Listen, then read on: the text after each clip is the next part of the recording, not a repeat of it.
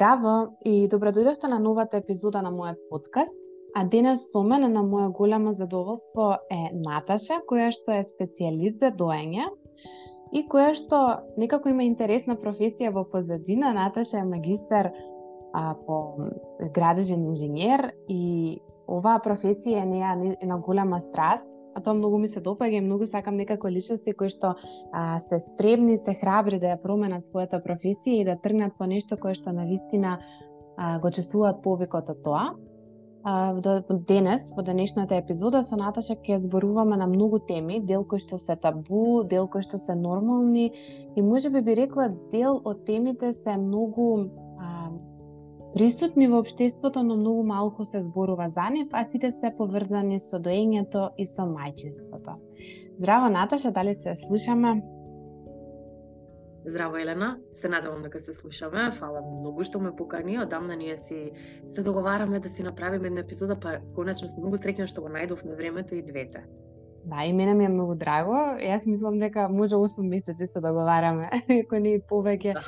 Да се сретнеме заедно, да снимеме на епизода. Мене многу ми е често си тука, затоа што на вистина си една жена која што многу, многу ја почитувам. И се надевам дека многу други мајки ќе ќе слушнат нешто повеќе и ќе можеме со оваа епизода на вистина да им помогнеме да уживаат во сите бенефити на доењето и на таа една врска и атачмент со своето бебе. Баш ми е драго и мене и се надевам дека ќе го постигнеме истото. Кажи ми, може ли малку само повеќе да ми споделиш околу твојата професија? Јас најавив специјалист за доење, меѓутоа свесна сум дека тоа не е туку така. Многу луѓе знаат да еве дури јас самата знам да кажам и па се разбирам во доење, да дадам по некој совет на некој што понекогаш на вистина и не е реално не е совет, туку е јас не е помош, туку е одмагање. Може ли малку да ми објасниш што значи специјалист за доење, каква е таа едукација, што е на твојата позадина би рекла за да си тука каде што си. И многу ми е жал што не сме во живо, ве ти си во Германија. А, да. Меѓутоа работиш и, и, и во Македонија, предонесуваш нешто и за нас, за нашата земја. Да. Um, ќе пробам да сум кратка, зашто една многу долга приказна. Меѓутоа ќе видам ќе пробам да бидам многу концизна. А, нормално се кај мене започна како и кај многу од луѓето кои што се бават со оваа професија, а, од личните предизвици во доењето. А, со првото дете, тоа беше пред 8, веќе 8 и нешто години, а, не бев свесна. Верувам, како и сите мајки на почетокот, бременоста, начинот на породување се теми кои што се многу поактуелни и многу ни прават така неизвестност, па се мислиме што како ќе помине. И А за доењето некако на вистина многу малку.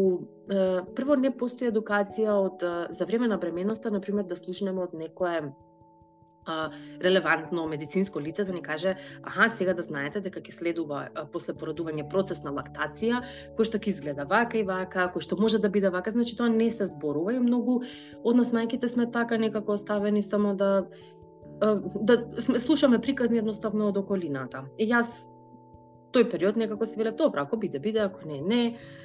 Некако стварно темата ми беше многу многу во позадина и нормално кога се роди моето прво дете, почнаа сите предизвици. што нели од незнаење, што тоа што сум прв пат родител и најважно од се сега од овој аспект веќе од како имам поминато едукацијата можам да кажам дека дефинитивно од неразполагање со доволно податоци ни од страна на нас мајките како родители, нели, како нови родители, ни од страна на стручните лица. Мене ми е жал, меѓутоа секогаш викам јас сум многу искрена кога зборувам на оваа тема и не нема нешто да се окривам од од куртоазија или од било што зашто тоа не е во ничи интерес. Um, навистина постои во нашата земја недостаток на релевантни податоци. И со првото дете почнав сама да истражувам, да читам кога најдов на многу места. Јас и на, на мојата веб страница имам пишано приказната, баш ја објавив заради тоа. А, мојот имейл кој што го имав пишано кога јас барав помош. И таму толку искрено пишувам, баш го најдов сега, пред 8 години што сум напишала и таму барам помош, викам, ама овој совет што ми го дават, јас не сум сигурна дека е во ред, јас стварно не сакам ова да ми се случи, имам чувство дека немам доволно поддршка и гледам како тогаш сум, сум осознала дека нешто такво постои. А, и почнав сама да се едуцирам. Прво, нели, она што викаме како мајка, читам, читам и се повеќе истражувам, барам кои се релевантни страници, така натаму, релевантни извори.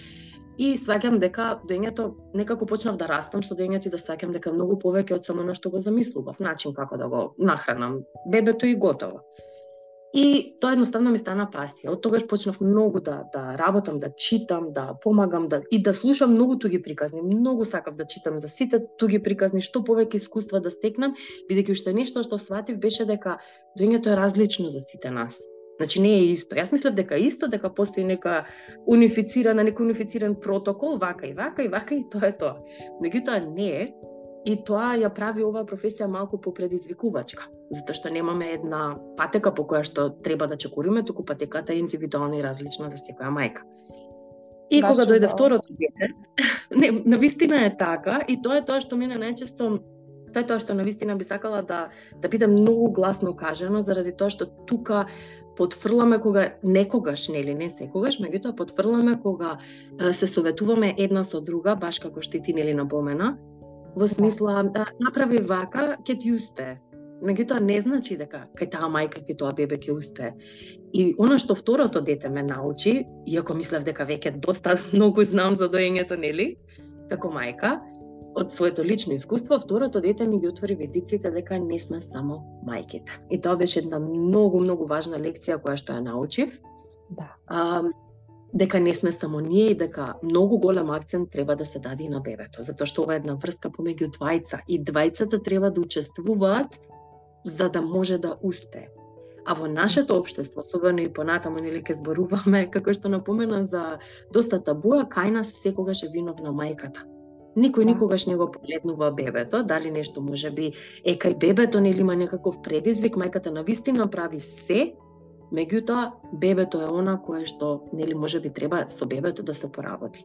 И тука, моето синче ме научи дека, на вистина, а, има многу, многу повеќе од дека јас само имав дребнато, што викам површината, и дека толку многу ја сакам ова тема што сакам стварно многу многу многу повеќе да научам за истата и тогаш се решив прво го отворив Инстаграм профилот едноставно од а, И го нареков доење со љубов, бидејќи тоа го направив навистина од љубов, да имаме нешто и на македонски јазик, бидејќи низ интернет имаме толку многу страници, може да се најдат и на Инстаграм за доењето, но ниту една на а, македонски јазик која што буквално нели се пишува активно на многу теми.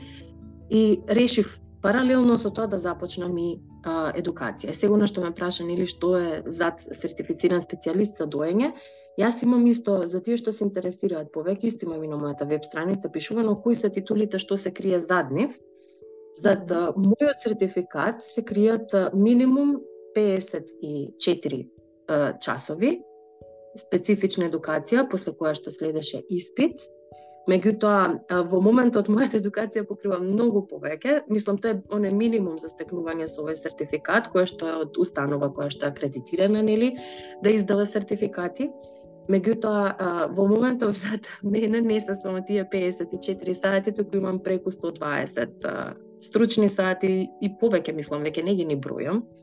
А, После некој време веќе не се бројат. Да. Ама важно ми е да споделиш, Наташа, знаеш ли зошто забележувам дека многу луѓе зборуваат за доењето и прават а, а, сам баш во момент да зборуваат за доењето, меѓутоа позади тоа се крие некоја многу а, мала ајде да не би рекла сатница, не би сакала така тоа да го поврзам, меѓутоа мала едукација, а, додека баш твојава едукација е нешто кое што е специ... специјално и ако некој влезе на твојот профил Инстаграм, точно ќе види дека станува збор за теми кои што на вистина не може секој ниту да ги знае, ниту да ги сподели.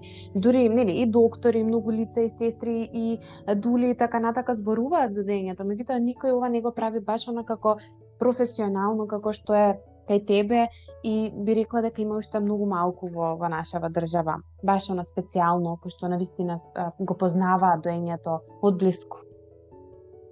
Токму така. А, јас сакам да направам еден спој помеѓу мајчинството и стручниот аспект на доењето, заради тоа што сепак сум и мајка и тоа го користам како предност, сепак доволно а, се дистанцирам од моето мајчинство за да не го пресликам на сите а, други семејства. Тоа е една многу важна работа која што мора да ја научиме ние како мајки доколку сакаме нели особено да работиме во оваа професија. Јас имав и специјални обуки за тоа дека доколку имаме нели нешто лично што сме го поминале, не значи дека треба да се преслика кај сите и дека тоа тоа е нели начинот. А, така што да, се кријат многу саати. Она кога ќе ме прашат, пошто има и мајки кои што се ме имаат до сега прашани, јас сакам нели да се едуцирам малку повеќе. А, тоа е значи едукација, тие преку 95 а, часа кои што се а, важни за да може понатаму и титулата на ИБЦЛЦ да се добие. Не се само 95 часа, тоа исто сакам да го потенцирам сега заради тоа што тоа се 95 грубо проценати часа само на едукација на, на слушање презентации, значи на учење, тие се предавањата, а понатаму пишуваме, истражуваме, а, пишуваш есеи, коментираш а, книги, други книги стручни мора да прочиташ, па да напишеш ревју за книгата, значи што како, едноставно е многу повеќе од 95 часа, кој што онака некако би ги поделила, хм, 95 часа, ако 40 часа работам неделно, хм, брзо ќе завршам, не. Значи тоа е многу, многу, многу обемна едукација. И а, конкретно, значи, стварно опфаќа доста медицински а, моменти.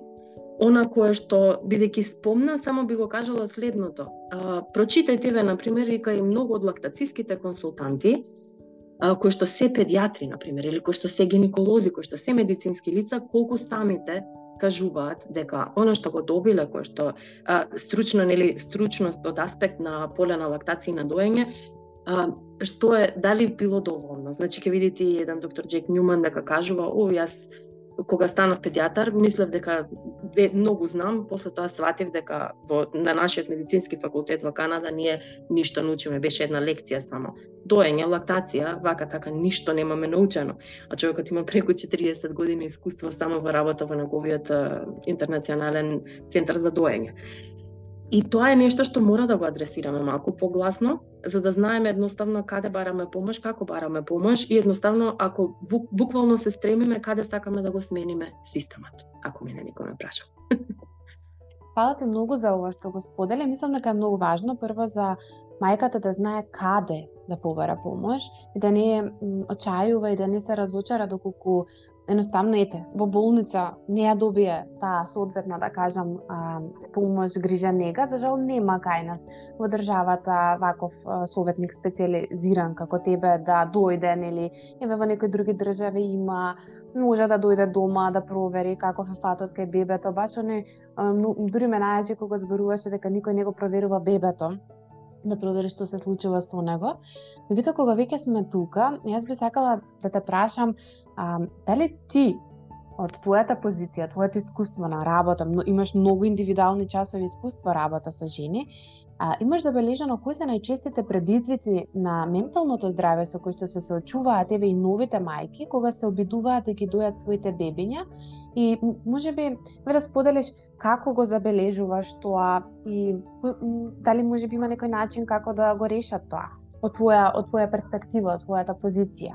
Затоа што па ти баш си некој кој што одблизу може да се сретне со мајките токму после породувањето. Да. А, најчестите предизвици кои што се поврзани со доењето и со менталното здравје. Прво, а, статистички можам да кажам дека доењето само како а, неличин кој што се случува после породувањето е нешто кое што за многу од мајките, дури и за оние кои што се викаат, а, и да не дојам, мене ми е сосема окей, значи си го викаат тоа за време на бременоста. После породување сме, прво мора нели да напоменеме, ние сме други, малку да. други личности. Значи не сме тие што сме биле пред породување, иако можеби само ден-два разлика не дели од таа личност. А, хормоните на вистина многу се менуваат во тој момент и е многу нормално ние да не сме не, не сум себе си, значи не сум јас во тие денови. И сето тоа ако се земе во предвид и ако ја споиме тука и неподдршката за многу мајки кои што како што кажав, иако се мислеле доењето не ми е стварно важно, доењето станува најдеш многу важно. Mm. Преку ноќ. особено а, многу тивко доколку се почувствуваат, сега ќе видам многу, многу искрена, значи, и во овие теми, заради тоа што имам изборувано со многу мајки, ако го криеме нели се тоа, само се правиме лоша услуга. Меѓутоа, многу мајки се чувствуваат како, навистина се чувствуваат како нешто да не е во ред со нив ако не можат да дојат. А, дека нивното тело ги предава, дека ако нешто нели не функционира, најнаш се чувствуваат дека тие се криви, дека во нив е вината. Колку и во тој момент добива чувство, е колку многу мајки дојат ги гледам, само мене не ми успева. И тоа е еден прв момент кој што мислам дека и те како влијае на психата, особено ако земеме во предвид колку сме кршливи во тие први мигови особено после породувањето. Така што најчестиот предизвик за менталното здравје е чувството дека детето само што се роди јас потфрлам како мајка моето тело ме издава нешто што треба природно да можам да го правам, што сите цица ќе го прават, јас не успевам да го направам. И како што кажав, земајќи во предвид тука и хормони, нели ситуација и после породувањето и поддршката и а, блиските и таа среќа, чувство огромно чувство на среќа, она нели викаме наплив на емоции, а, може да биде преголем товар за мајката доколку нема поддршка.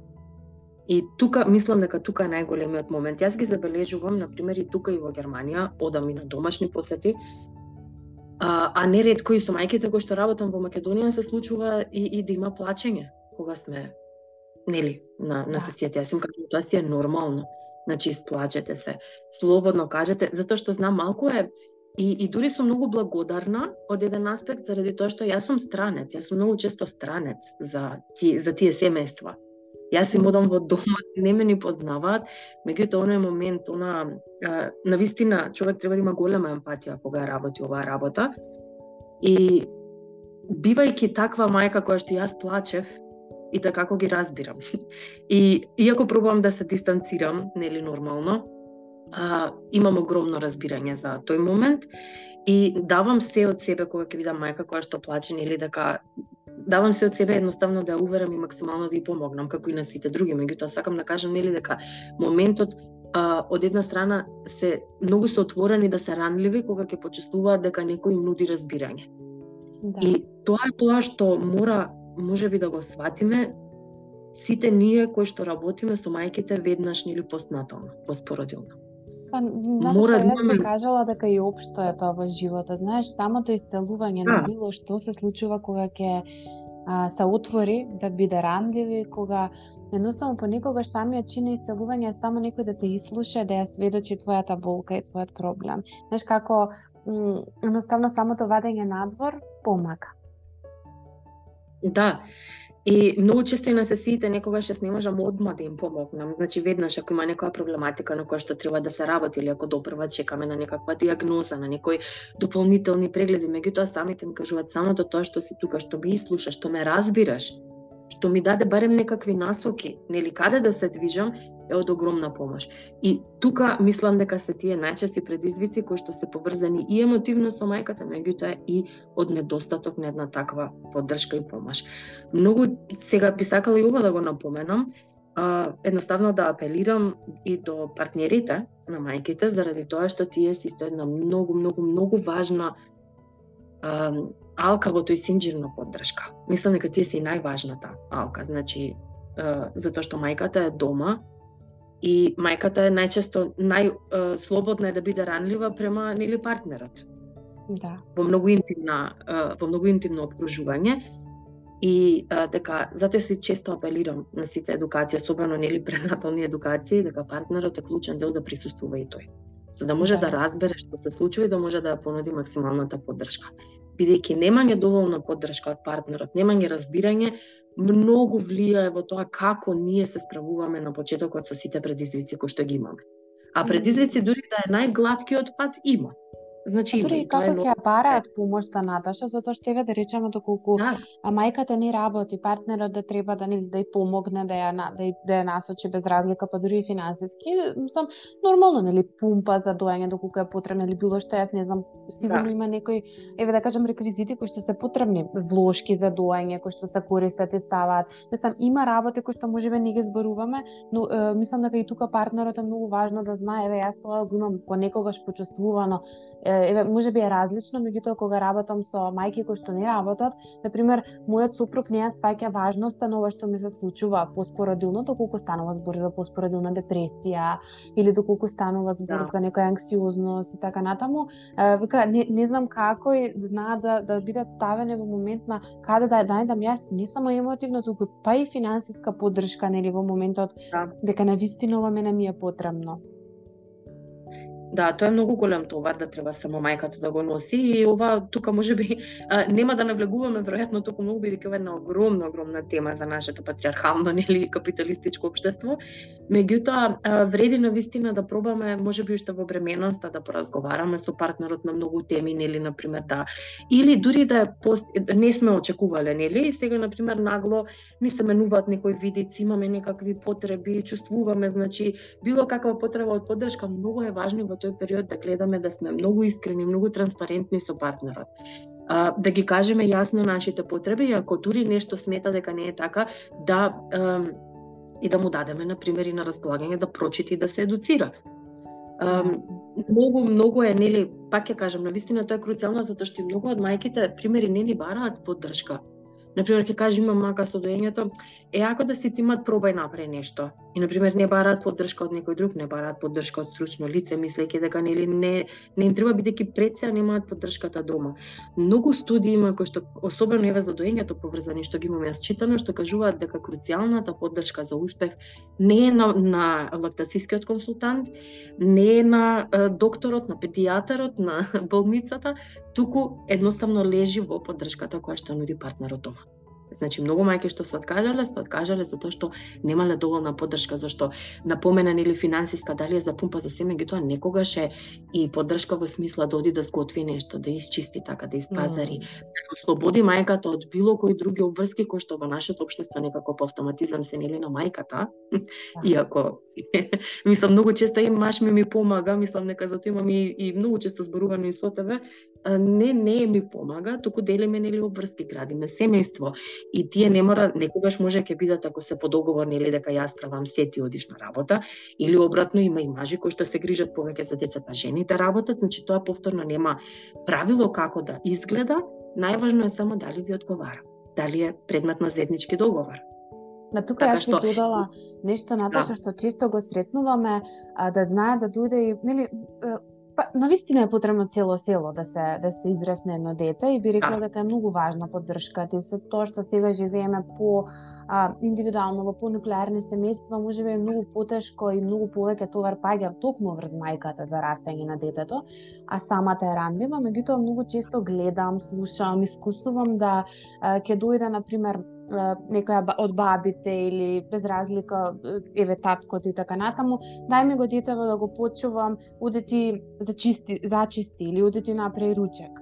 И може би грешам, меѓутоа мојот став е дека јас би рекла еве ти ручек, еве ти топол оброк, еве ти ги сите потребни, да речам, витамини и минерали што ти се важни, ќе се помогне за чистење, за средување на домот, за перење, за пржување, имај си време еден на еден со твоето дете да се запознаат и да може да се воспостави таа врска и доење да може да се лачат и сите тие хормони кои што се потребни за да се случи самата лактација. Што мислиш ти за ова? Чисто ми дојде како го споделуваш поддршката дека многу често обратно е помошта понудена и затоа мислам дека е многу важно да тука жената бара време со своето дете. Не зборам за она време за ми поддржи да се истоширам или загрижа за себе, тоа е друг аспект. Јас зборувам баш оној момент на да биде сама со бебето без да се грижи за цело останато домаќинство и куќата. Од една страна, ќе споделам, јас ја разбирам возбудата на целото семејство, нели, се раѓа ново бебенце, баби и дедовци, сите, сите сакат, нели, да го видат и да го гушнат и да го поддржат и тоа е прекрасно. Мислам, стварно знам дека позадината на сето тоа е љубов. Да. И, и сосема во ред, нели, А, меѓутоа многу убаво го го спомна тоа. Начинот на на времето поминато со бебенцето може да биде така а, така договорен и испланиран за да биде оптимално а, решение за мајката и за одмор, и за лактација, и за се. Значи, кај нас, а, па, повторно ќе кажам, тука е едноставно предмет на комуникација. Значи ова е предмет на комуникација, дали ќе биде успешна или не. Комуникација помеѓу партнерите и искрена комуникација со а, бабите дедовците. Значи со општо со поширокото семејство. А, пример ако дојде, да кажеме една од бабите, сега треба да дојам и дава коментари во смисла е сега цицаше пред саат време, е зошто така? Е, е, тука на пример е тој контраефект, ама јас сега дојдов сакам да го поиграм или ме разбираш, значи а, тој момент треба да биде многу убаво искомунициран, ќе има време кога нели, а, на пример, ете, мајката да оди да се истушира, може би да одспие еден саат. Нормално. Мајката не е тука кога ќе дојде бабата да оди да послужи кафе, да послужи нешто по дома, да оди да пушти машина во меѓувреме додека бабата го игра или детето, напротив, тука убаво го спомна тоа. Значи тука треба убаво и јасно да се искомуницира дека во првите шест недели од прилика мајката закрепнува И тие 40 дена кај нас народски останале нели некако, меѓутоа имаат многу логична позадина, а, не во смисла да не излегува од дома, нели? Сега се што имало логика порано, со текот на генерациите се менува и се адаптира согласно на културата во која што живееме. А, меѓутоа, тие 40 дена имаат една малку подруга од медицински аспект, една подруга поента телото на мајката да закрепне. Значи, чинот на породување е стварно нешто што мислам дека е најголем стрес што ќе го доживее женското тело. А, така што да закрепне од породувањето, новороденчето да е сонезе, да се развива во лактација и литературата вика дека баш тоа развивање на воспоставување на лактација трае од прилика толку 6 недели, плюс минус нели кај секоја жена. А, и тоа е тој период каде што жената не треба да ги има домашните обврски во глава. Не треба да ги има да го има теретот на готвење, на чистење, на а, одржавање на куќата, да на примање на гости. Едноставно тој период е на запознавање. Нестинг го викаат, значи период каде што мајката и бебето се нонстоп заедно за да се запознаат. Не се очекува да го познаваме нашето бебе кога ќе се роди, ние веднаш стануваме мајка само затоа што сме родиле бебе и имаме конекција, го разбираме. Не, тоа е нешто што се учи. И го учиме во првите неколку недели со тоа што поминуваме цело време со бебенцето и го учиме сигналите, ги учиме знаците што ни ги дава. И цел тој е еден процес каде што ние стварно треба некои работи да ги ставиме настрана, да не ни се приоритет. И тука е убаво да можеме да да го уредиме нашето секојдневие согласно на нашите потреби на нашето бебе. Во смисла, нека дојде бабата да донесе ручек, нека помогне да зачисти и нека го погушка бебето мајката да се истушира, да јаде, па дури да одспие еден саат. Нека го надои бебенцето и тогаш нека го земе, да кажам, нели, баба, дедо кој дае и мајката да одмори. Значи, мора да постои флексибилност од страна на семејствата. И тука, Елена, јас исто гледаме многу голем предизвик, а тоа е кога ам, не постои флексибилност, кога не постои комуникација и многу често, пример, партнерите не сакаат на пример на мајките им е незгодно можеби на семејството на партнерот да му соопштат нешто, па партнерите тука не сакаат да споделат, па најднаш станува конфликт конфликт помеѓу мајката и таткото, нели? Затоа многу е многу е важно значи да можеме многу отворено искрено да си разговараме. И јас разбирам, да, некогаш и постарите сакаат стварно мудрост да дадат, нели, да пренесат мудроста бидејќи гледале деца. И меѓутоа, нели, и тука треба да постојат одредени граници. Јас. Така што и тоа е еден предизвик за кој што може би да треба да се спремат семејствата и да да си разговарат можеби партнерите унапред како би се поставиле нели во такви хипотетички ситуации. Јасно. Или што би рекла, мудростите се убави, убаво е да се слушнат, само многу треба да внимаваме како и кога ги примаме. Односно да примаме со филтер, затоа што старите порано, еве тоа се 40 дена, порано еве како ги учиме децата, ги учиме низ приказни, низ митови, низ некои интересни легенди, низ страшни приказни. Мислам дека да. морало така општеството да наметне 6 недели или 40 дена и слично, затоа што не биле сите на времето учени луѓе или не можеле сите толку достапно да дојдат до некои информации, па многу било полесно со еден страв, со плашење и така натаму да ги да ги учат, нели, да, еве да кажам по, по поголемата маса на народ да ја учат со некои такви приказни кои што се малку застрашувачки затоа што стравот го ги држал. Јас имам слушното немој да испрекеш гости 40 дена затоа што ќе ти секне млекото, нели ќе ти престане млекото. И тоа е многу интересно како морал некако барале начин веројатно и мајките па и постарите жени да помогнат нели на потомството како да направат ите женава млада тазе породена да не мора да станува па на па знаеш на македонското на уште пола сати спраќање. не да, знам дали да. имаш тоа доживеано, ама обично ајде да стануваме да се одиме на уште пола сати сега не за матката да. што не е вратена, тој се врти, се лоши, па може да е анемична. Мислам, знаеш сите тие моменти што медицината многу убаво ги објаснила, меѓутоа понекогаш мора на тој начин. Но кога сме кај партнерите, А, јас мислам дека една многу важна тема за која што па и не сум слушнала некој многу да зборува, мене многу ме интересира а, еве ти а, што би споделила и твое мислење и може би малку да споделиш какви се искуствата, а, како доењето влијае врз сексуалната желба и интимноста на мајката со незиниот партнер и што мислиш што може да се направи како би се одржала здрав сексуален живот додека мајката дои? Um, да, тоа е една доста табу тема. Кај нас. Мислам дали еднаш само може би имав на анкети отворено, нели општо како прашање, меѓутоа е да една интересна тема која што треба малку поотворено да се може би да се разговара. Она што е на некој начин, значи, очекувано после породувањето е нели желбата на мајката да биде доста намалена. Значи, што заради тоа што нели поминала низ процесот на породување. А, многу од мајките, пример, воопшто, нели, особено нели кај спонтано породување, едноставно треба време, има рана, треба да застрави раната и така натаму. А, тоа не е правило, во став мислам да си кажем, не е правило. Има мајки кои што пак имале желба за односи на вистина доста брзо после породување. Тоа е една многу индивидуална работа, но нај статистички кажано, вообичаено е мајката да нема желба некој период. Што од породувањето, како што кажав, и особено од хормоните.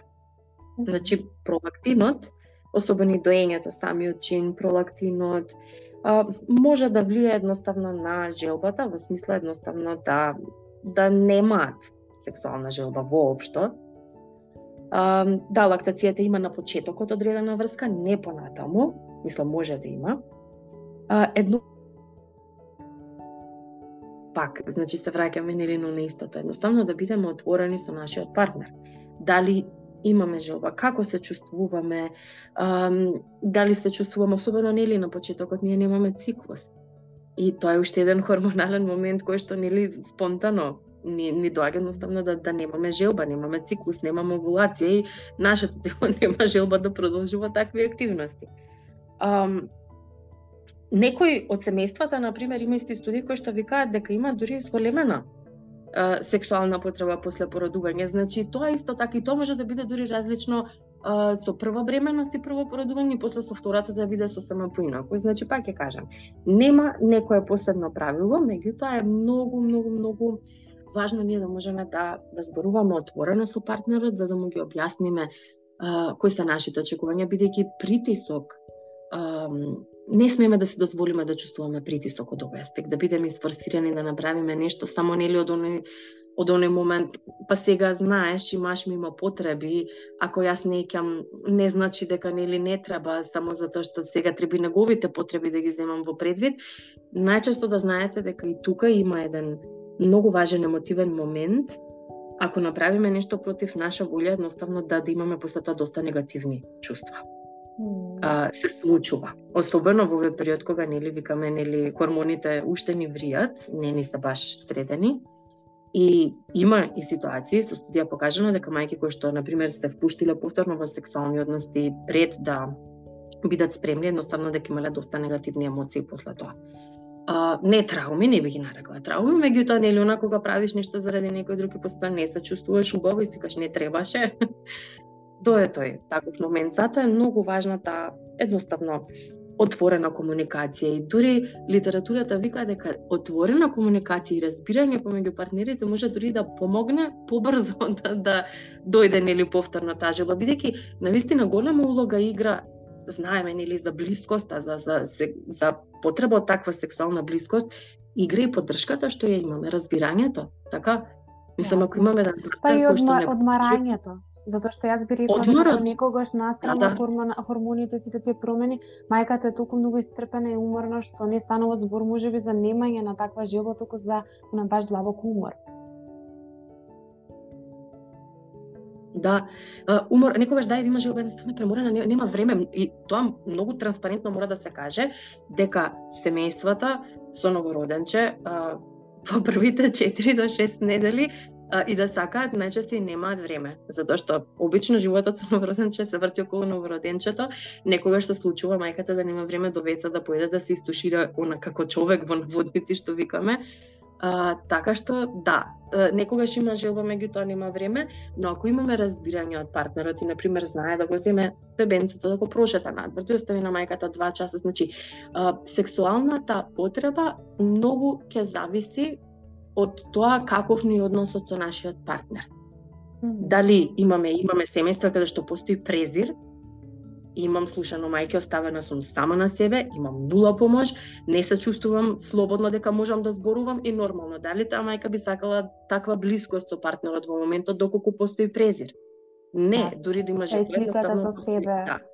Тука сликата Нормално. за после породувањето знае да многу се измести кај, кај жените и да биде она баш меѓутоа тоа е една би рекла многу долга долга тема. Мислиш дека, односно, кои се некои од оние културни табуа околу дењето што ам, што постојат. Еве кај нас може би повеќе постојат. Сега ти си и во Германија, може би таму има некои кои што се слични. А, меѓутоа, што мислиш како можеме ние да ги рушиме овие бари, бариери, како би можело и доењето да се промовира како нормален и здрав дел од мајчинството. Јас морам да те споделам дека ам, понекогаш а, не знам колкав е процентот на мајки кои што реално не може да дојат, значи постојат нели некои кои што реално имаат а, позадина.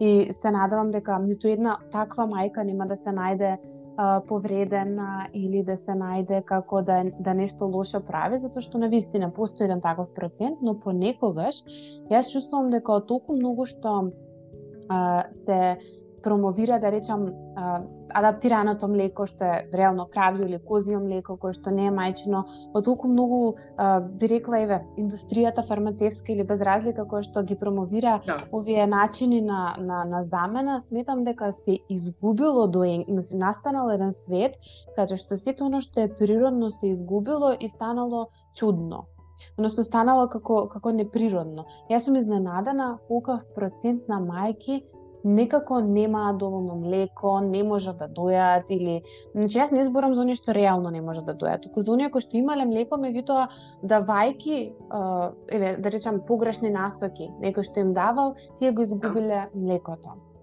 Што мислиш, има ли некои културни табуа кои што се многу тука присутни кај нас? Има. И додека зборуваше ми текна и на неколку кои што сакам веднаш да ги кажам пред да ми излетат, А, прво што е поврзано значи со сексуалноста и нели доењето, а она што треба да го знаат, значи пак и брачните партнери дека на пример за време на односот може да потече млеко. Значи тоа исто така да не ги изненади бидејќи самиот оргазам кај жената или општо сексот може да биде нели нешто прекрасно како емоција и се лачи окситоцин кој што може да да нели предизвикува рефлексно испуштање на млекото. А, многу е важно исто да го знаат еве и мајките, да, не дека партнерите, затоа што да. можеби и тие ќе се најдат изненадени. Затечени. да, тоа е исто така една многу нормална работа што може да ја очекуваме. А, како што исто така па нормална работа е на пример нели да има потреба од користење од лубрикант заради ниско ниво на естроген. Значи, повторно ако има мајката желба, има начин. И ако има нели, ако има разговор со партнерите, има начин А, едно од табуата е а, кој што исто тука инволвира е она исто што го напомена телото на мајката, неизината промена.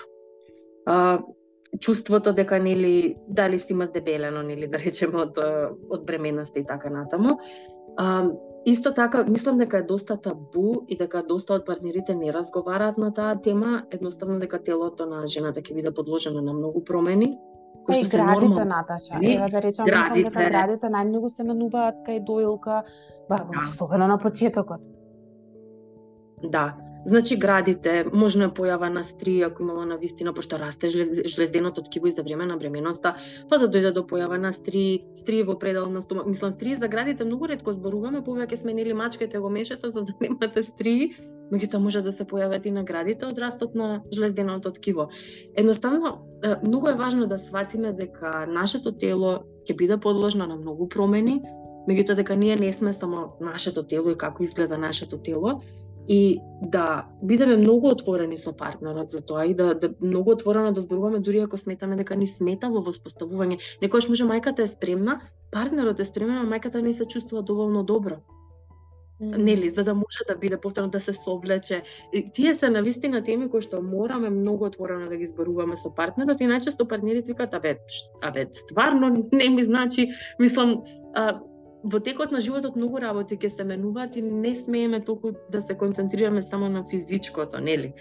А, друго исто што напомена, кое што така а, сакав да го споделам, беше оној момент кога кафе процентот на мајките кои што не можат да дојат, значи тука доаѓаме повторно до уште еден а, многу интересен момент. А, литературата во моментот а, може само да прогнозира, не може да располага со податоци, бидејќи се уште ние не знаеме дали а, неможноста за доење се должи токму на тој момент или се должи на а, лош менеджмент на почетокот на доење. Значи, затоа литературата разгледува два, ги нарекува неус, неуспех во лактација или lactation failures, и разгледува два вида. Едниот е примарен, каде што на вистина постои некаква препрека, дали се хормони, дали операција на градите, дали е недоволно развиено жлездено ткиво. А, значи има неколку моменти кои што викаме се а, постоечки состојби. А има и така наречен секундарен неуспех во лактација. Секундарниот па е она се што се случува понатаму кое што а, најчесто прави проблем. А, недоволно отстранување на млеко веднаш по породувањето, хоспитализ... хоспитализираните породувања со многу процедури кои што може би не секогаш се потребни, а, сепарацијата помеѓу мајката и бебето кога не е потребна, дохранувањето исто така од превентивен карактер кој што може би навистина не е потребен. А, ме разбираш, значи зборуваме тука за некои лоши совети, за некои некоректни совети кои што така како може да влијат на тоа како ќе се развива лактацијата кај мајката.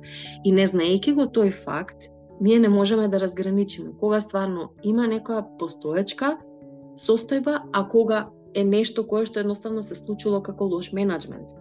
И многу е важно да се напомене и а, дека примерен неуспех на лактација и она како нели викам има некои мајки кои што не можат да дојат, јас тука би додала не можат да дојат ексклузивно можеби, но не дека не можат да дојат. Но, значи, да. И кај нас доењето, нажалост, е сватено некако во смисла или-или. Или ќе доиш, или ќе дохрануваш или а, нели во смисла или експлозивно, или ако има дохрана сите се префрламе понатаму кон дохрана. Немаме поддршка за да сватиме дека доењето е сепак нешто кое што една врска која што може да трае година, две, три, тоа е индивидуално, нели?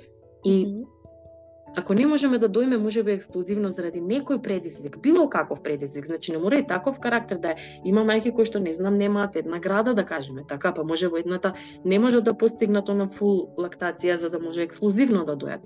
Меѓутоа, ексклузивното доење е 5-6 месеци. Понатаму се започнува со немлечна комплементарна дохрана. Ако има потреба од дохранување, можеби некојаш ќе има потреба од да речеме тие 6 месеци, 7 месеци, а што значи тоа ако зборуваме за една врска од 2,5 години? Yeah. која што и како и понатаму има огромен бенефит за детето.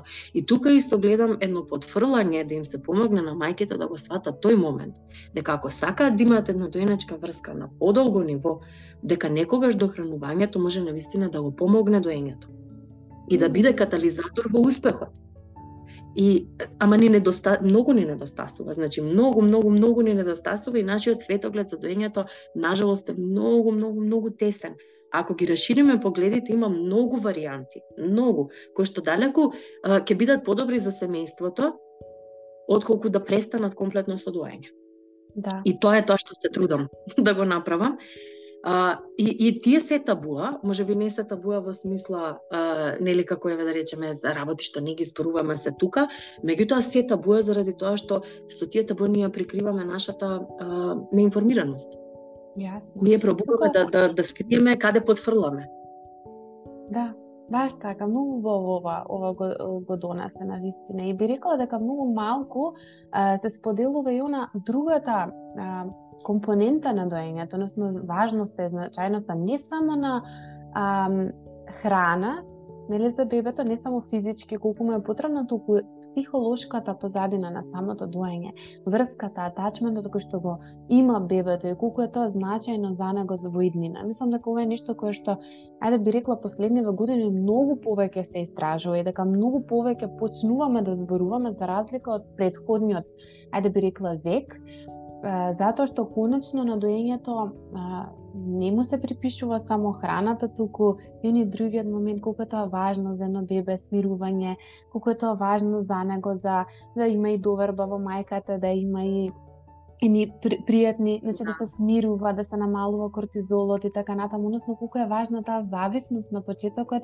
за понатаму во животот да се случи на зависност.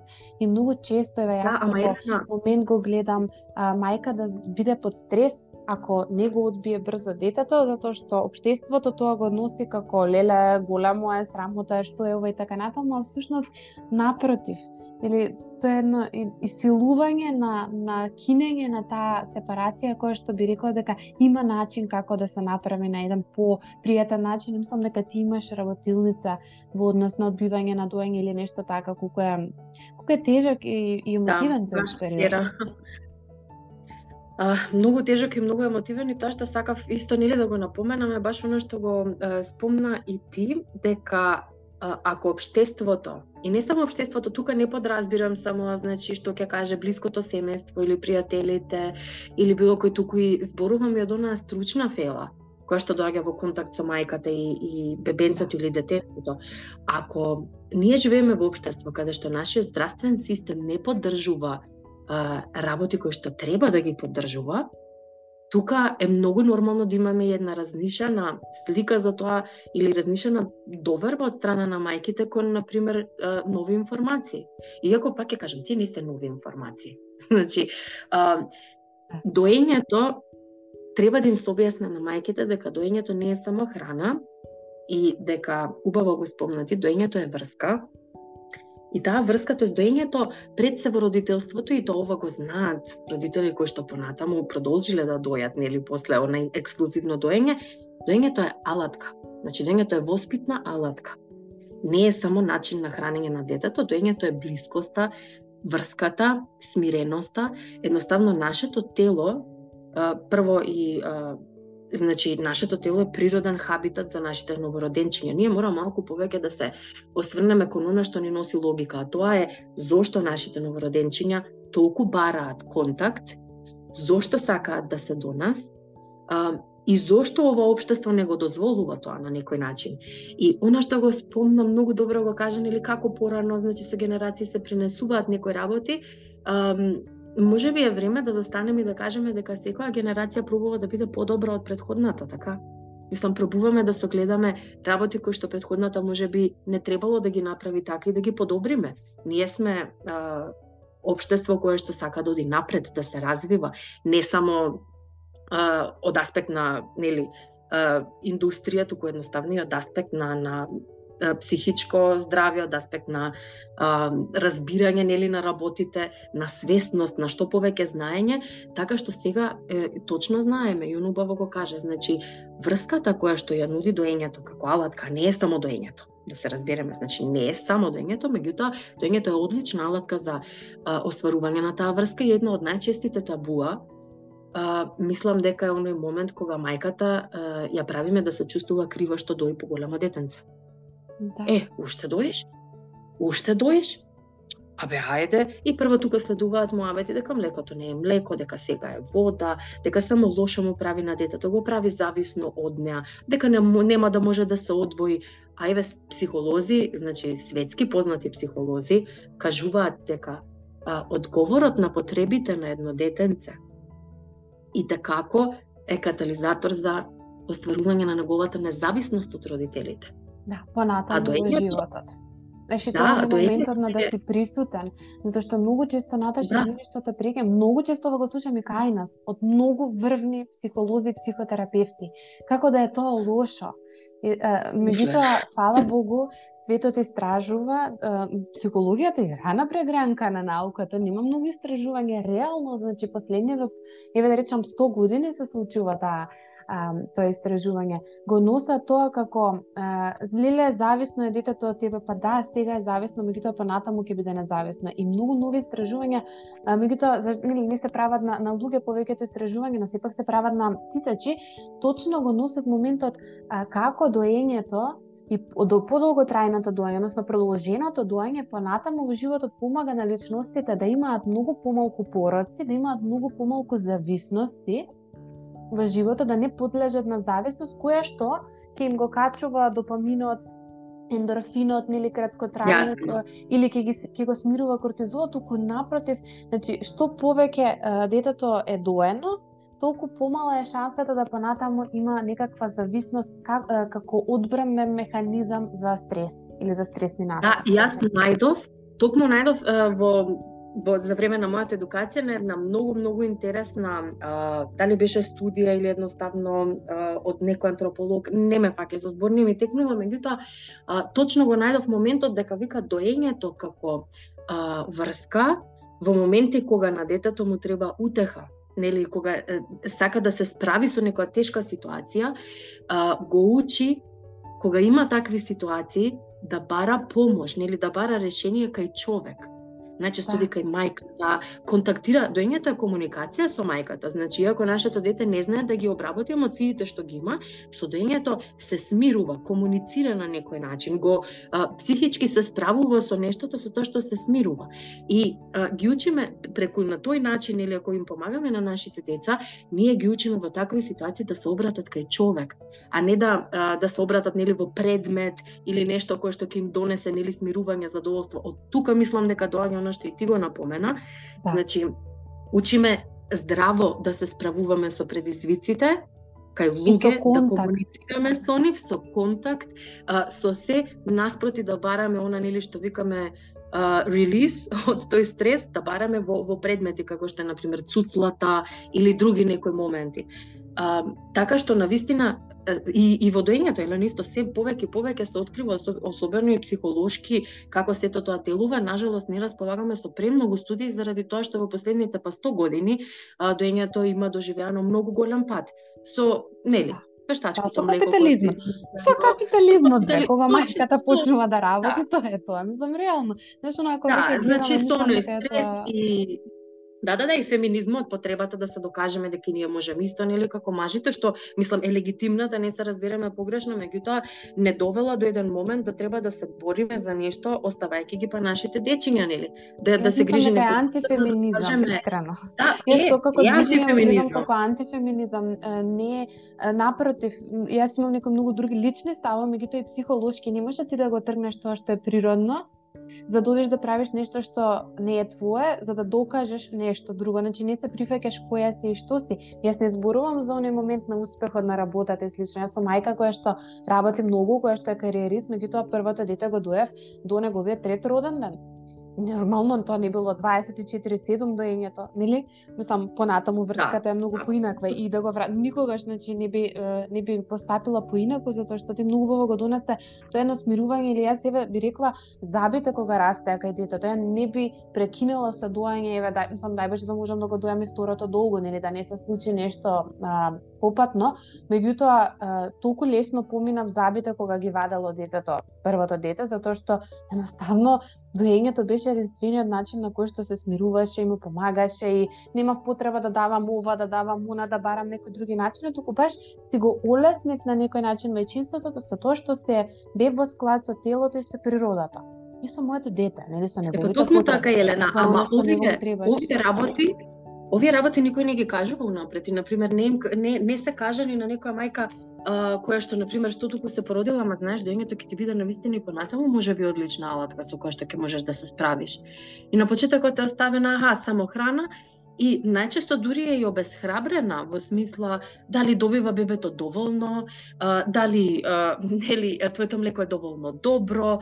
Значи сите оние работи кои што ги слушаме, нажалост ќе кажам и од стручни лица Работам со мајки и жал ми е кога ги кажувам овие работи, меѓутоа повторно ќе ќе кажам, значи ако јас само ги молчам во интерес на тоа а, нели, дека сепак зборувам за стручни лица, еве јас самата не сум доктор, не сум, да, меѓутоа работата и едукацијата ми има доведено до оној момент на пример да да да можам слободно да кажам како може едно стручно лице да ви каже дека вашето млеко не е доволно добро и затоа не, не напредува бебето.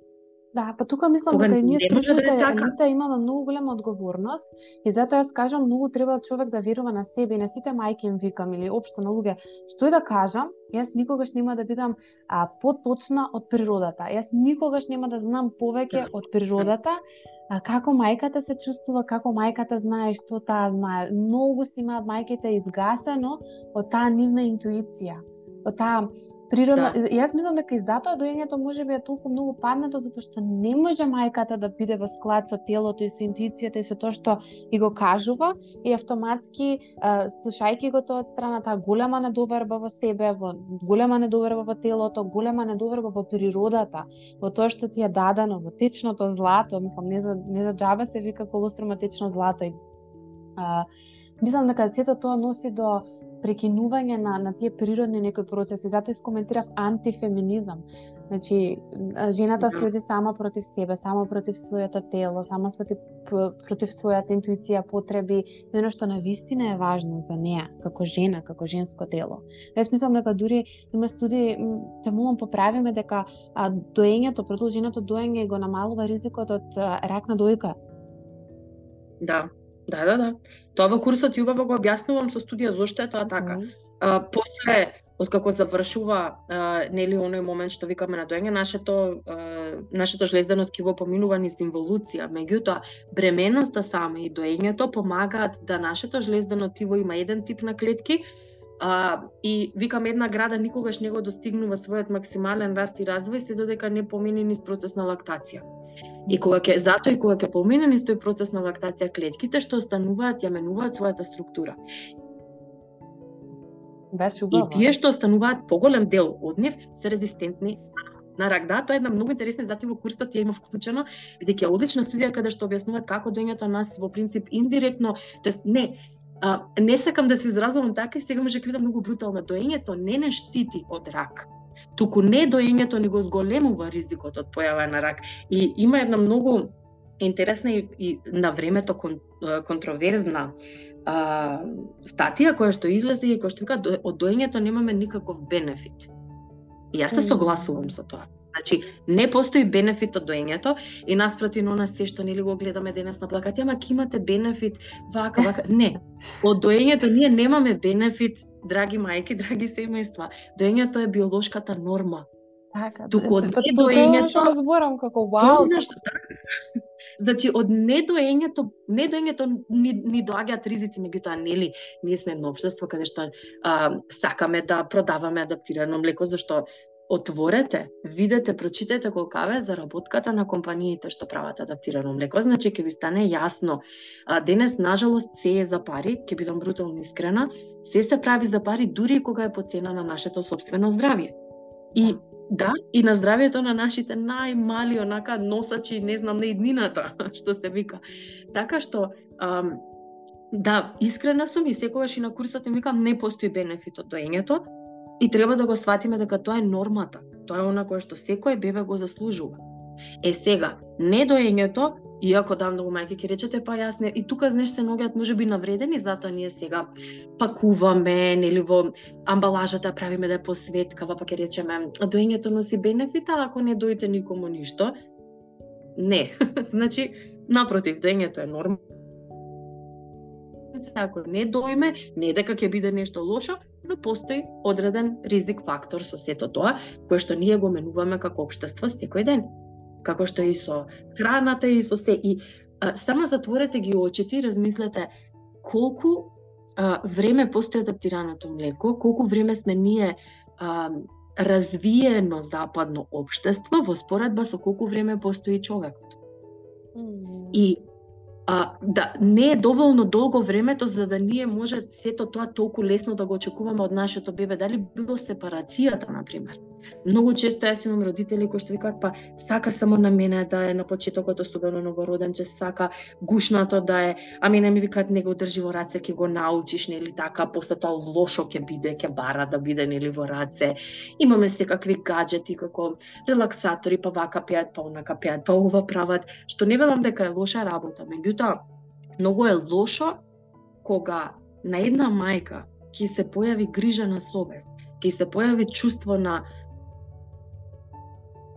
на, на неспособност, дека прави нешто погрешно, што низиното бебе сака да има низината блискост, а тоа го наметнуваме како општество. И тоа во доењето има огромна на улога. Игра огромна улога, има огромно влијание. Кога на една мајка ќе кажеме не е во ред бебето да сака да цица на саат и пол, мора на три часа да се дои. Така правиме проблем со лактацијата. Мислам постои Самата преградка всушност помага во окситоцинот, значи за како би да. можело понатаму да да дојде лактацијата. Знаеш, ова фала ти што го сподели, затоа што мислам дека ова е еден многу клучен момент дека кога мајката ќе се пожели дека детето е цело време сака да ви, да е во рака, општеството или експертите бараат а, а, даваат совети, бараат начин како да помогнат да тоа не се случува, наместо да погласно се кажува дека тоа треба да се случува, дека тоа е правилно, тоа е така и дека подобро е да, нели, да не јаде или да нарача храна има мајката, нели, за да а, а да биде гушната со своето дете на почетокот, отколку обратното. Значи да едноставно таа улога да. на мајчество, меѓутоа на леунка, еве би рекла леунка, како мајка, не знам, таза мајка, по, да. може би има некои медицински други изрази да. како се нарекува баш тој период дека е многу природен. И јас дури обратно еве искуството покажува дека дечињата кои што се многу посигурно врзани и повеќе во допир со мајката на почеток, понатаму се многу подобро а, адапти, подобро се адаптираат и во градинка и се адаптираат многу подобро во општеството пошироко и со другите, речи, нели, поширокото семејство и така натаму.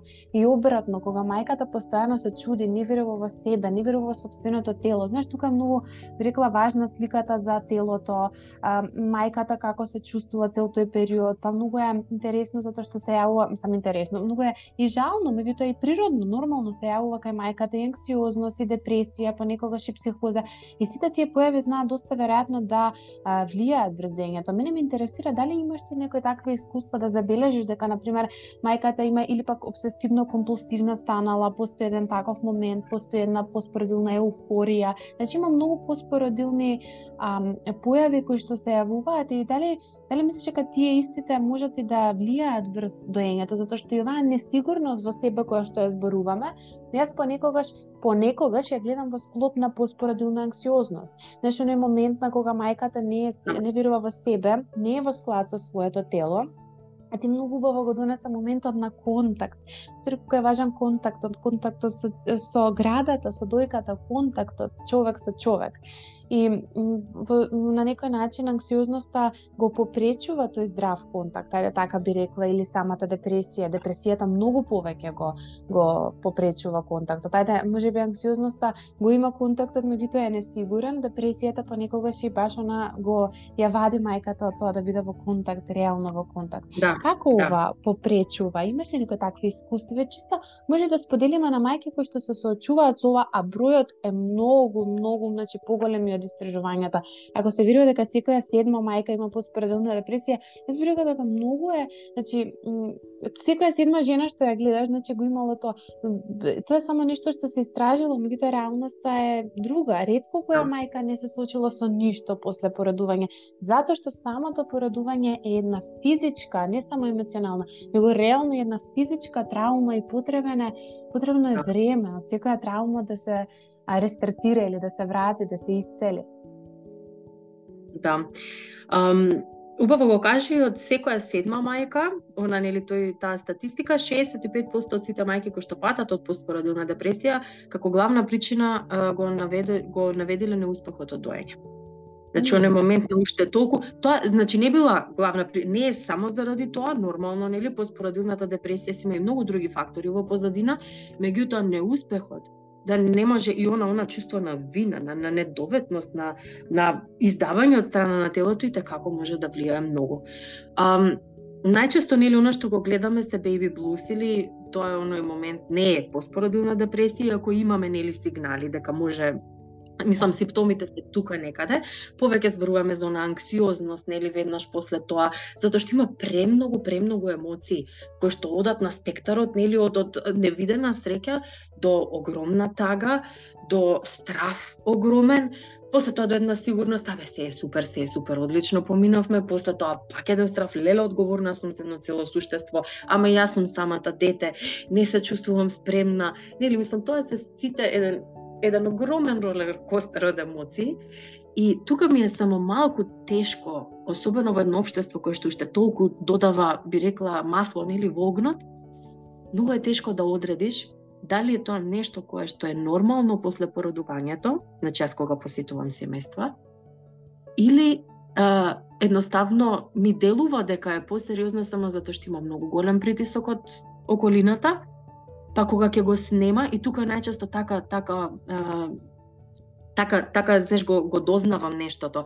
Работам со семејствата кога ќе видам пример дека после се посмирени, дека знаеле или особено ако сме нашле решение побрзо и доаѓа до еден мир тогаш сваќам дека била анксиозност. Меѓутоа, ако гледам дека мајката и после неколку сесии, мислам, јас останувам во контакт. Кај мене секогаш на советување стои дека нели а, она што е за доење работиме, по уште 7 дена активно работиме, меѓутоа јас не сум стварно после седмиот ден пуфната, значи јас нема. Значи јас повторно сум во контакт, па ќе ми пишат мејл, па ќе ми пишат назад, па ако треба пак ќе се слушнеме. Значи па некогаш јас ќе им пишам како сте ми текна на вас, нели што правите, што се случува, без никаков притисок да ме успеавте или не, туку стварно се интересирам како им оди на семејствата без разлика едноставно кој бил исходот И а, ако забележам, пример, дека уште перзистира перзистираат емоции, пошто депресијата е малку поспецифична, барем тоа ти многу подобро го знаеш. А, јас, а, она што само јас го имам читано, нели, за како да препознам, бидејќи моето, а, моето завршува тука, ако препознам, нели, едноставно мора само да кажам дека е, нели, пожелно да си најдат контакт, да си поразговараат, нели со стручно лице, затоа што тука мене ми е многу важно нели само тоа да го споделам и затоа е од огромна важност да а, сите оние кои што работат со семејствата, постпородилно се во контакт едни со други. Пример, јас идеално би било, јас како лактацијски консултант да сум во контакт со педијатарот, да сум во контакт со гинекологот нели на семејството и на пример, ако видам црвено знаменце дека нешто не ми штима, Значи да можам да се јавам директно кај педијатарот, затоа што некогаш и некои мајки не се свесни за нешто.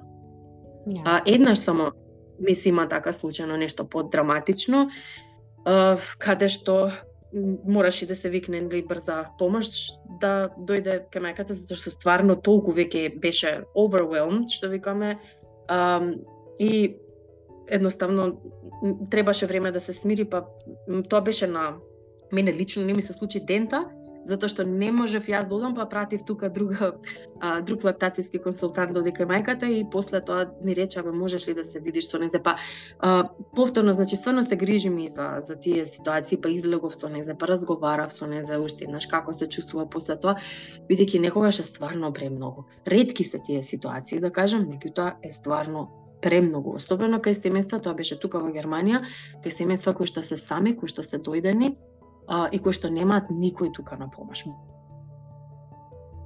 Буквално никој.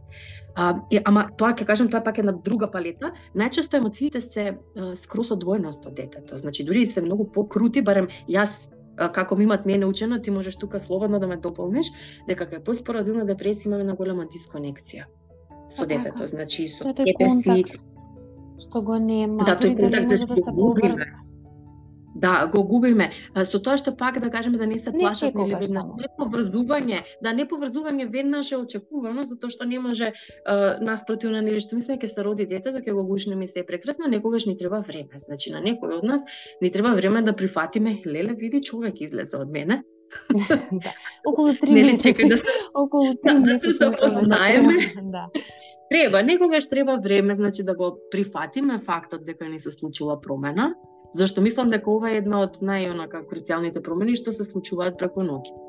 И а, добре, депресијата не е само за контактот. Може да имаат и добар контакт, меѓутоа мајката едноставно да го губи контактот со себе, волјата, да, со себе, да. да не, да. не сека да социализира, да чувствува длабока вина која што не е реална во моментот или не е присутна, да има многу, да биде премногу плачлива, премногу тажна или едноставно да биде амбивалентна, да нема ни радост, ни среќа, што е, мислам има многу да. повеќе симптоми тука, но верувам, нешто е многу интересно што никој не знае што е прво, дали кокушката или јајцето, дали недоењето или проблемот со да. доењето може да воведе или е обратно. Меѓутоа, нешто кое што јас барам го знаме, да, е дефинитивно е вистина дека а, доењето помага и во надминувањето на депресијата. Едноставно помага да се надмине затоа што а, доењето е пристилен во наводници да речам контакт со другиот човек, а самиот контакт со друго лице лекува. Да, и со секреција на окситоцинот, значи ако може да да го да го испровоцираме на тој начин со тој контакт, да. помага исто значи на некој хормонално хемиско ниво нели што го нарекуваме. Да, да и серотонин, и, мислам, тоа сите се поврзани едно со друго. Да, и тука исто само би напоменала нешто многу важно, А, неколку мајки ми не ми имаат пишано, значи, ама јас имам поспоредна депресија, имам потреба од лекарства и тука е многу, многу важно да се напомене дека а, има лекарства кои што се соодветни со доење. Значи, вие може да продолжите со доење и да сте со терапија со одредени антидепресивни а, лекарства. Значи, тоа е сосема во ред. А, има дата база, тоа е една исто, една од табу, веќе кога ги спомна табу темите, една голема табу тема е, значи, што смеам да се напијам, нели, и што да направам во ситуација кога ми треба, може би, некое лекарство, а јас дојам. Да. Значи тоа кај нас исто една огромна табу тема каде што мајките секогаш им свика ништо, ништо, ништо, а не е така. Значи стварно има многу, многу, многу од а, терапии, значи лекарства, а, процедури кои што можат да ги направат и смеат веднаш да дојат А, така што тука секогаш би ги охрабрила, одете кај мене на веб страницата, исто ми пише лекови, е, лекови и медикаменти за време на доење, таму имате три од најголемите датабази во светот што се користат бесплатни. Најдете го генеричкото име на лекарството, внесете го и ќе ви даде се, ќе ви ги цитира студиите, се што е направено, значи било што не може никој никогаш да ви каже скроз да или не, пак повторно вие одлучувате, меѓутоа на крајот на денот ќе располагате со соодветни податоци. А ама ќе ми пишат, ама знаеш Наташа, јас го отворив и пишува ако сте бремен или дојлка, или советувајте се со лекар или нешто такво, па јас не знам што да направам и рекоа па подобро да не го пиеш. Тоа е заради тоа што а, не постојат а, мислам видете, знаете како функционира светот, никој не ќе да превземе одговорност и на лекарството, на пример, на тој што го произведува, колкав процент се доилки кои што ќе го пијат. Така, Не им се сплати сега да земат и да напишат нешто, па да преземат било каква одговорност или било што едноставно не сака ти полесно, па тие тогаш нека му ја мислат. Нели вршат една ексклузија од од на, на доилките стварно на доилките извршена огромна ексклузија во ова поле, затоа ве молам секогаш проверете си ако се интересирате затоа што а, има и ситуации каде што доилките поминале низ хорор елема. Не смеш сова да доиш, па 10 дена бебето 2 месеци на ексклузивно доење. Па 10 дена а, а, а, мислам за едно стручно лице може би кое што нели не е доволно информирано, па 10 дена нема да дојши, смозлува и се фрла да адаптирано и после ќе се вратите на доење. Значи тоа делува теоретски многу лесно и едноставно. Да, Меѓутоа така. ние кои што сме доеле ексклузивно дете особено, многу добро знаеме дека тоа тоа е еден огромен предизвик. Ти не не го земаш само млекото, ти ја земаш мајката од бебето топлината на мајката, топлината на градата, смирувањето на града. Најнаш имаш бебенце кој што може нема ни шиша да прифати, ништо нема да прифати. Плачење, будење на вечер. И кога ќе отвориш во базата и кога ќе видиш дека тоа лекарство било скроз компатибилно со доење, дека не се излачува во мечиното млеко, еднака седиш и си викаш, зошто тој хорор да се преживува по дома? Значи, да. ете ги уште тие табу моменти кои што и како можат многу, многу да влијаат во доењето. Многу. Исто пак ќе кажам, повторно, заради таква неинформираност. Да, така да, што да, фала ти што го донесе, мислам дека е многу многу важно. Јас твојот мейл твојот вебсајт секако ќе го пишам во описот долу. Меѓутоа мислам дека ова е многу важно што го сподели затоа што и лично познала многу мајки кои што се откажале од доње затоа што пијат антибиотик, а постојат антибиотици да. кои што се гладни едноставно со доење.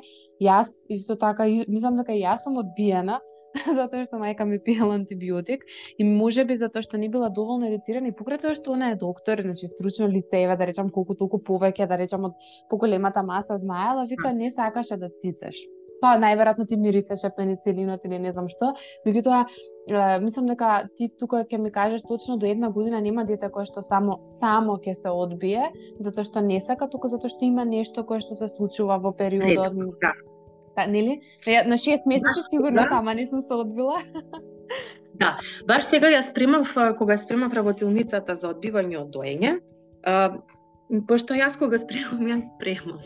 И кога ќе видите дека трае 90 минути, тоа е едноставно стварно пробав да кратам, да кратам. Меѓутоа сум многу темелен човек и кога истражувам на тема, сакам буквално кога некој ќе присуствува на работилницата, сите одговори да ги добие на лице место. Па и истражував многу, нели, да ги покријам сите од, оби, од одбивање, па на нежен начин, па водено од мајката, од бебето, па парцијално одбивање, само дали која мајката се враќа на работа и така натаму. И дојдов до а, ама дециден цитат во литературата каде што вика ако едно бебе бидејќи нели учевме за тоа кои се знаците дека бебето е само спремно, тоест детето е само спремно да се одбие, како да ги препознаете и стоеше она баш огромен цитат.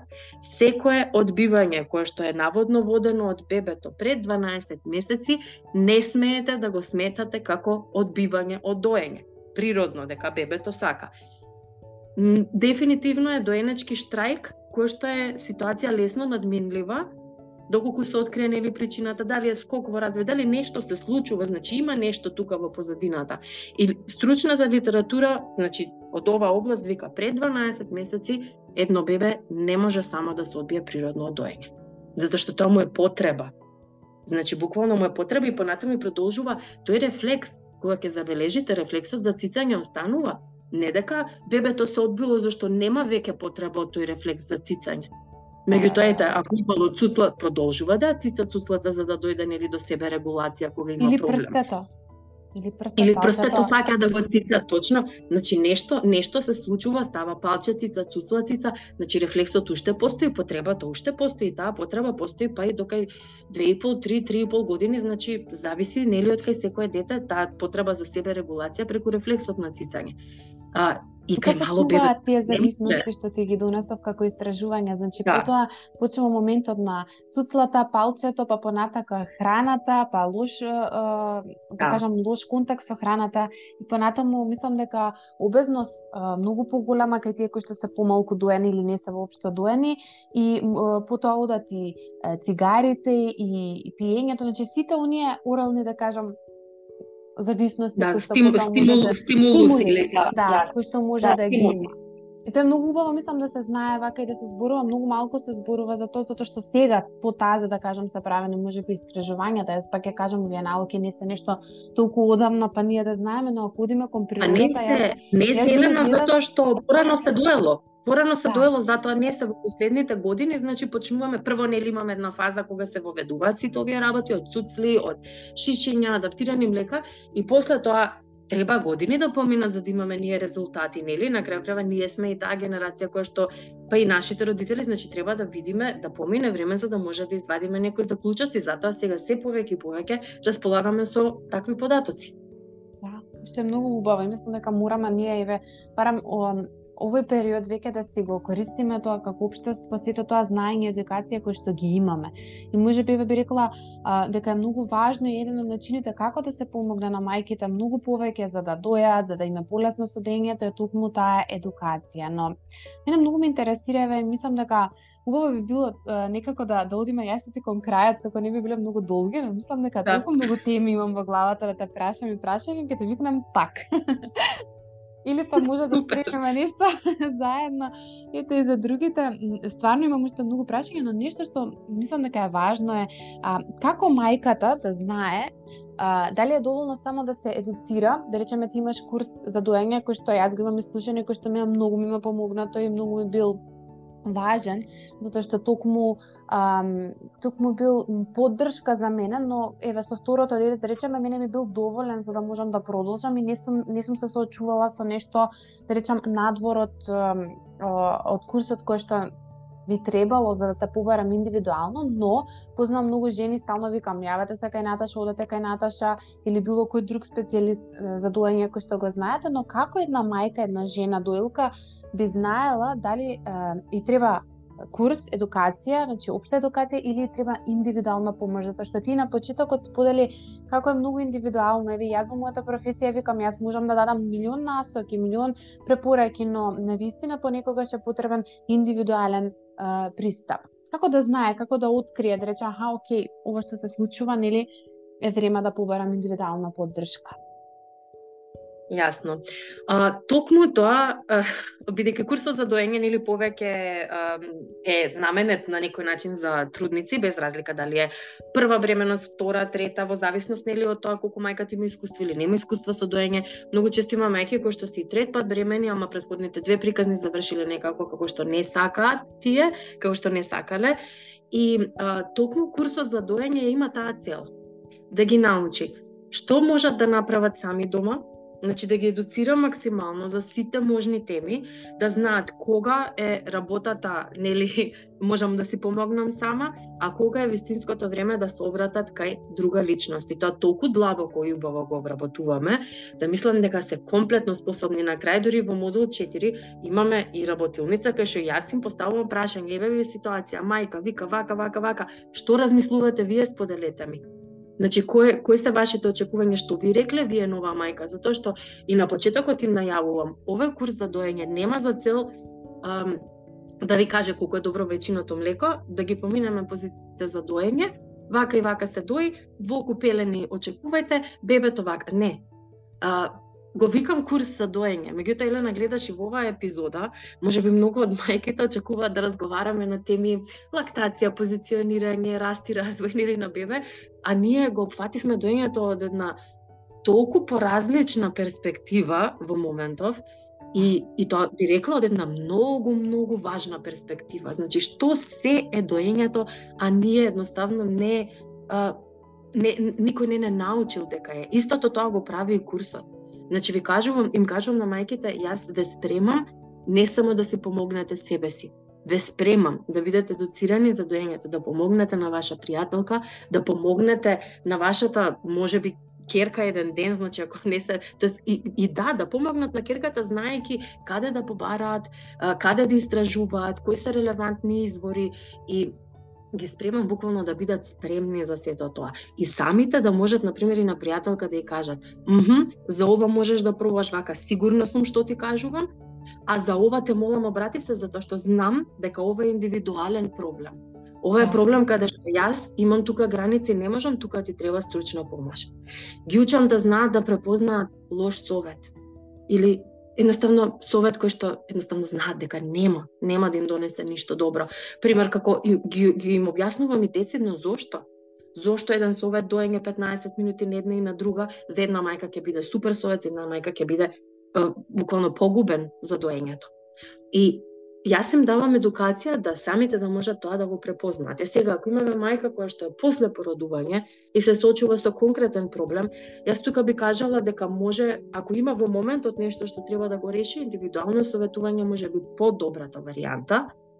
А, и ако сака понатаму и да се едуцирам, имам и мајки кои што пример имале индивидуално советување, после рекле, толку ми се допадна се во стварно сакам да научам многу повеќе, па го купиле курсот, ако имат новороден 4 месеци, сакаат да се едуцираат, пример, и да навлезат многу подлабоко, бидејќи, како што спомнав, мојот курс не е само а, и, и се трудев да не биде, Елена, ќе бидам искрена, се трудев да не биде она што веќе го има, е, најчесто нели дали е како дел од спремање за породување, па има само дел доење. Јас присуствував на такво уште пред 8 години на клиника. Породувањето, контракциите, доењето, позициите, толку. Меѓутоа, да, мене тоа, наžalost, не ми донесе. Не ми донесе ништо. Стварно не ми донесе, бидејќи тоа се строги начала. Затоа сакав да направам нешто што е многу поразлично, што ќе им донесе мир на семејствата. Мир, а, не во смисла зашто Наташа така рекла, туку мир заради тоа што се чувствуваат едуцирани и знаат да препознаат кога стварно треба да реагираат, а кога едноставно сето тоа е нормално. Тука накратко би начнала една доста исто табу тема што ја спомна многу кратко, значи пример за спиење. Ние многу зборуваме за спиење иако ова е курс за доење. Да. ние зборуваме исто и многу за одбивање, за немлечна дохрана, како сето тоа изгледа, како доењето, низ призмата за доењето. Зборуваме за забивање, за нокно будење. Значи, премногу работи опфаќаме во курсот, кој што не е само курс за доење неколку позиции, да ви кажам како да се изнозите и нели завршува приказната. Така што а, мислам дека тоа беше најважно, тоа и ми беше целта, да можам да ги спремам нашите семејства да дадат совет кој што нема да наштети на друга мајка. Тоа ми е најважно. Значи да си помогнат себе си и да можат да помогнат на другите без при тоа несвесно да им наштетат. Нешто донесе само мир, не е само мир, тука е многу, многу повеќе. И ако тргнеме и од Любов. материјален аспект, колку е а, заштеда за една мајка реално, значи за едно семејство да си дои. Значи ако зборуваме општо, знаеш, и екзистенцијално, затоа што и тоа е многу важно, мислам дека да за за многу семејства. А меѓутоа и самата љубов и самиот контакт И јас тоа сум тоа то би рекла не е веќе доењето после некој време не е само храна, туку на вистина е една љубов и многу ми се допаѓа затоа твоето име доење со љубов. На вистина е љубов и за детето и за целото семејство. Мислам дека секоја мајка која што доела точно ова ќе го потврди. Дури ми е многу жалосто кај нас уште постојат и некои стигми како доење во јавност или во во некое место каде што е многу природно мајката едноставно да да да го понуди нели храна на детето. Па многу мајки леле не па шишенце со мене се земам, па непријатно слично што е сосема во ред и многу сум се радувам затоа што се повеќе гледам соби за доење и така натаму, меѓутоа мислам дека еве па можеби таа таа е некоја табу темите кои што не ги спомнавме да едноставно да. доењето е нешто што е многу многу природно и сега ние не сме животни, меѓутоа животните не се кријат кога дојдат што е природно. Природно на детето да му се јаде, природно е детето да да има потреба од мајчинската љубов и се надевам дека многу повеќе ќе гледаме во таа насока што е нешто е природно и малку да не забегуваме толку многу од природата и од тоа што ни е дадено како би можеле на вистина и да ги намалиме сите тие психички појави од после, затоа што и еден од моментите зошто, мислам, една од причините зошто се јавува и депресија, анксиозност и сето тоа, всушност е ова отуѓување од себе, од телото, од да, природата, од Да, детачмент буквално се случува од сето оно што е природно, па незгодно или не е природно знаата да е ти многу добро го донесе да оди сега кафа да ја вари нели на крвата да ги служи гостите дошле за бебето. Обратно, природно ако ако чувате милениче дома, природно е да лежи, еве не знам јас, а не сум имала лично искуство со сум имала и куче, сум имала и мача, мачката се крие долг период, така што не сум била реално точно свесна што се случува, меѓутоа чував зајчиња. И тоа тоа што толку убаво како таа правеше нестинг или на гнездување. Почнува мајката да си ги горне влакната од мешато од абдоменот и она прави гнездо. Јас тука знаев дека почнува процесот на породување. Тоа се случува и кај жената, жената почнува да чисти. Јас знам пред се породам со првото зимов, буквално таков таков нагон да на чистење. Имав со четка за заби чиста фуги дома, мислам Уна имав потреба да си го спревам домот, да се да се подготвам Исто. за тоа. За јачитата лежеше со незините зајчиња, сега кај зајчева, нели, многу помал период е тоа реално пократко трае. Зашто има и пократка гестација, да. А меѓутоа околу две недели, што реално жена следниот ден може да стане нели ајде готово, заврши се, мислам таа еуфорија што ја фаќа, а не во склад со телото, со природата а, две недели лежи, лежи со нив, они лежат, не мрдаат, но е тука за нив, па она јаде многу, па пие многу повеќе вода, нели? Природно, едноставно, сама знае што да се случува. И мислам дека, се надевам дека ако ништо друго со оваа епизода, бара малку ќе ја подкренеме свесноста и не е лошо и татковци да ја слушаат. И јас мислам дека од предходната да. епизода почнав еден момент на мама без драма, дека е време да мајките на вистина почнат да се грижат за себе, да се да не толку многу можеби се драматизира од општеството, туку напротив да се нормализира што значи да се биде мајка и да се растат дечиња и што е оно што значи природа и феминизам. Затоа што пак ја повторам на вистина мислам дека феминизмот Точно. а толку многу отиде во некоја поларност што стана антифеминизам, да мајката се исклучи веќе од контактот со себе и од својата природна моќ што ја има, што на вистина е уникатна и мажот не може да ја има. Затоа што на крајот на денот нека ми простат сите мажи, меѓутоа жените стварно можат повеќе од она што мажот, нели мажот и да сака не може да раѓа, не може да го прави тоа. Но жената без мажот па не може да да да го постигне сето тоа, односно без таа поддршка што ја донесе тиот партнер што мислам дека е многу важна. Како една мајка, ако сака да биде во склад со себе, да, да вистина и во склад со бебето, многу е важно да ја бара поддршката и помошта од партнерот јасно, со многу граници, со многу љубов, меѓутоа и од поширокото општество. Мислиш, Наташа, дали би додала ти нешто што мислиш дека е многу важно ам, еве, за доењето, за општеството и за тие што не слушаат, за мајките? Би додала само она кога зборуваше ти за, за а, малите зајчини за мајката, дека нели она викаш си го си ги корни влакната, па ги дој па јаде повеќе. И тука наеднаш само ми дојде, нели, сите оние моменти и притисоци кои што ги имаме во смисла, па и од социјалните медиуми ми дојде онака само во себе се реков, па нема Инстаграм, нема Фейсбук.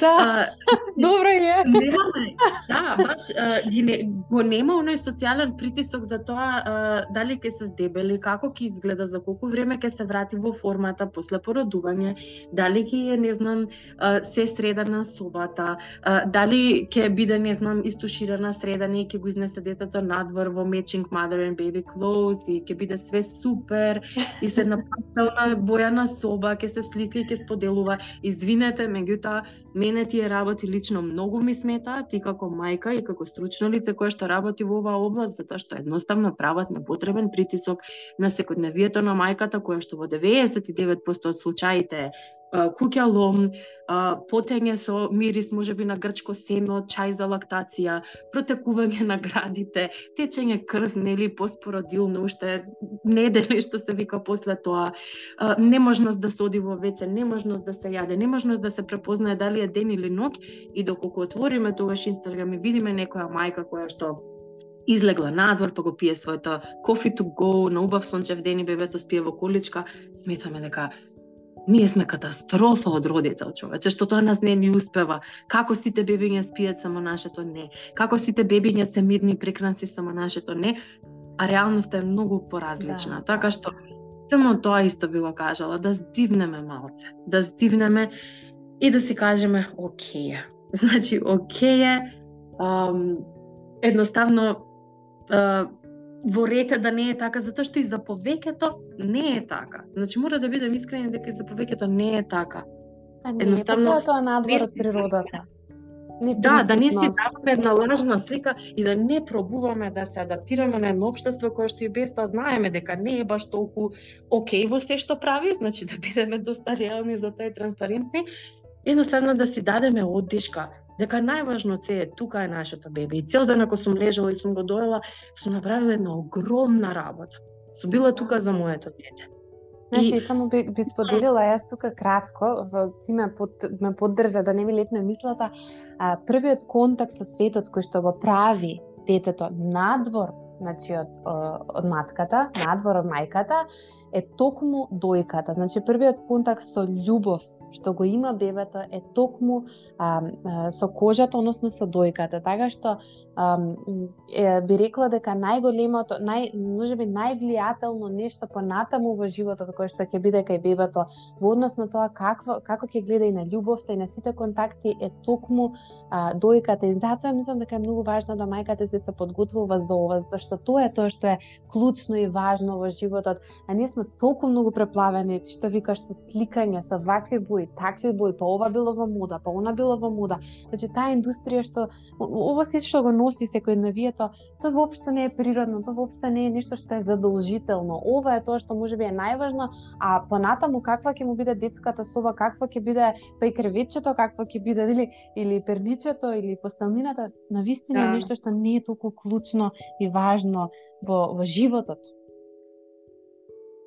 Да, токму така, така што и да, дојката е и а, што ова само да го напоменам, значи дојката на некој начин е она а, следниот орган кој што го имаме на располагање после матката и плацентата, нели? Да. Кој што се грижи за нашето дете понатаму.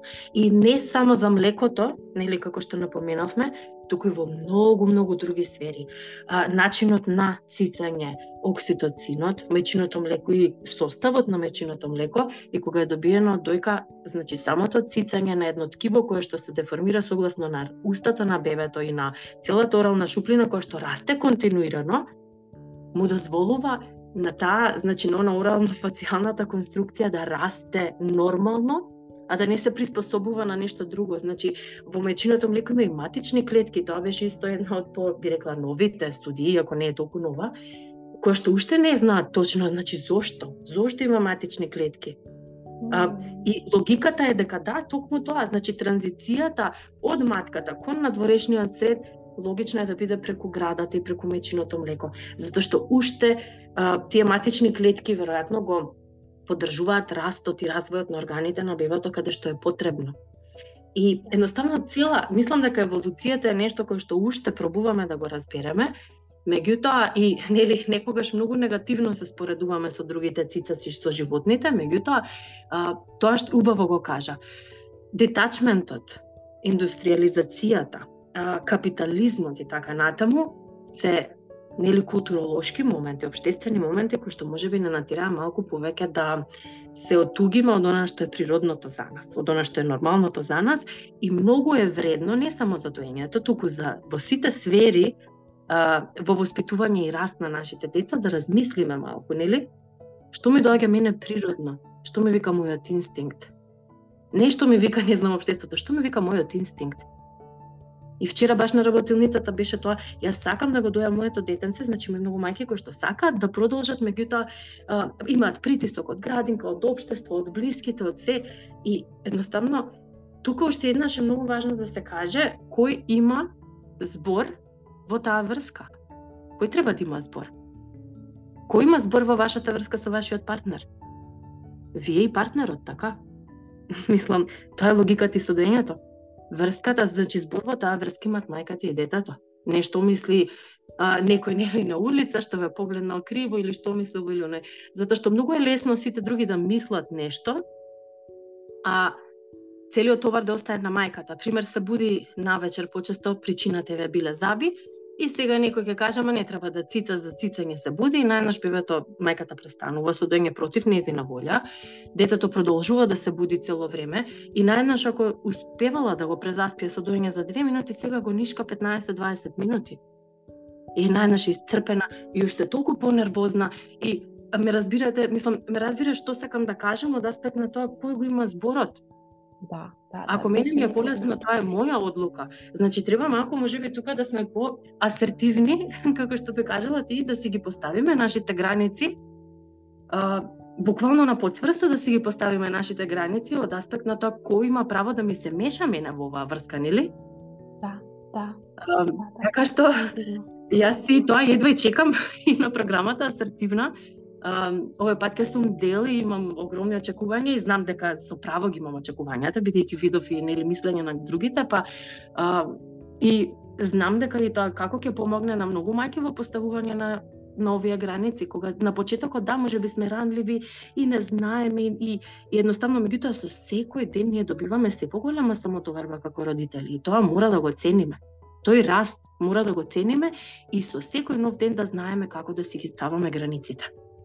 Да, фала ти во што го сподели. Навистина е многу важно, знаеш, некако за крај, јас би рекла, ве како како јас растам и се развивам, сега ми доаѓаат некои мудрости, можеби од семејството и, и има една порака која што татко ми многу често ја споделувал низ текот на целото моје растење, меѓутоа ете и не секогаш во секој контекст сум можела да ја разберам, а можеби нема точно да ја цитирам, малку ќе парафразирам, но кој во склад со природата или кој оди по законите на природата секогаш победува, а кој се противи на природата секогаш губи не ми било јасно што сакал okay. да кажа, ама сега ми е јасно, еве и во однос на ова што го зборуваме и мајчинството и доењето и цел тој процес. Значи само ако одиме, природата ни дава се, наше е да ја следиме природата. Се, се додека одиме против природата, против оно што ни доаѓа, дали е контролирано е во наша контрола или не е во наша контрола, бидејќи не, не сите работи се во наша контрола, најчесто губиме и се сочуваат сите тие моменти на на, на падови. Така што еве јас тоа би го посакала на секоја една жена да што повеќе во склад со природата и што повеќе остане присутна и свесна дека само низ таа присутност може да се случи тој контакт, таа љубов и да ужива во тоа што природата ја го дала и тоа што таа самата е. И секако да не се плаши да бара помош, затоа што ние не сме родени сами, ние не сме создадени да бидеме сами на овој свет. Многу е важна поддршката, многу е важна помошта и се надам дека што повеќе жени ќе се отворат за повеќе дотирање, за повеќе барање на помош, за повеќе барање не само од семејството, партнерот или поширокото семејство, општеството, туку и од стручните лица како би можеле на вистина да уживаат во бенефитите на сето она што им е дадено и што го можат. Фала ти многу Наташа. Не можам да ти не можам да ти опишам колку сум среќна што што ева конечно се договоривме и успеавме да ја снимиме оваа епизода. Јас ќе те викнам на уште една епизода затоа што имам мислам дека уште милион прашања ако што би сакала еве да се споделат малку повеќе да се зборува повеќе повеќето што ме слушаат са мајки мислам дека многу ќе ќе ме важна оваа епизода а може би нешто еве ми дојде идеја нешто што би можеле навистина да го спремиме јас и ти заедно за за мајките. Се надам дека си расположена и ти. Многу.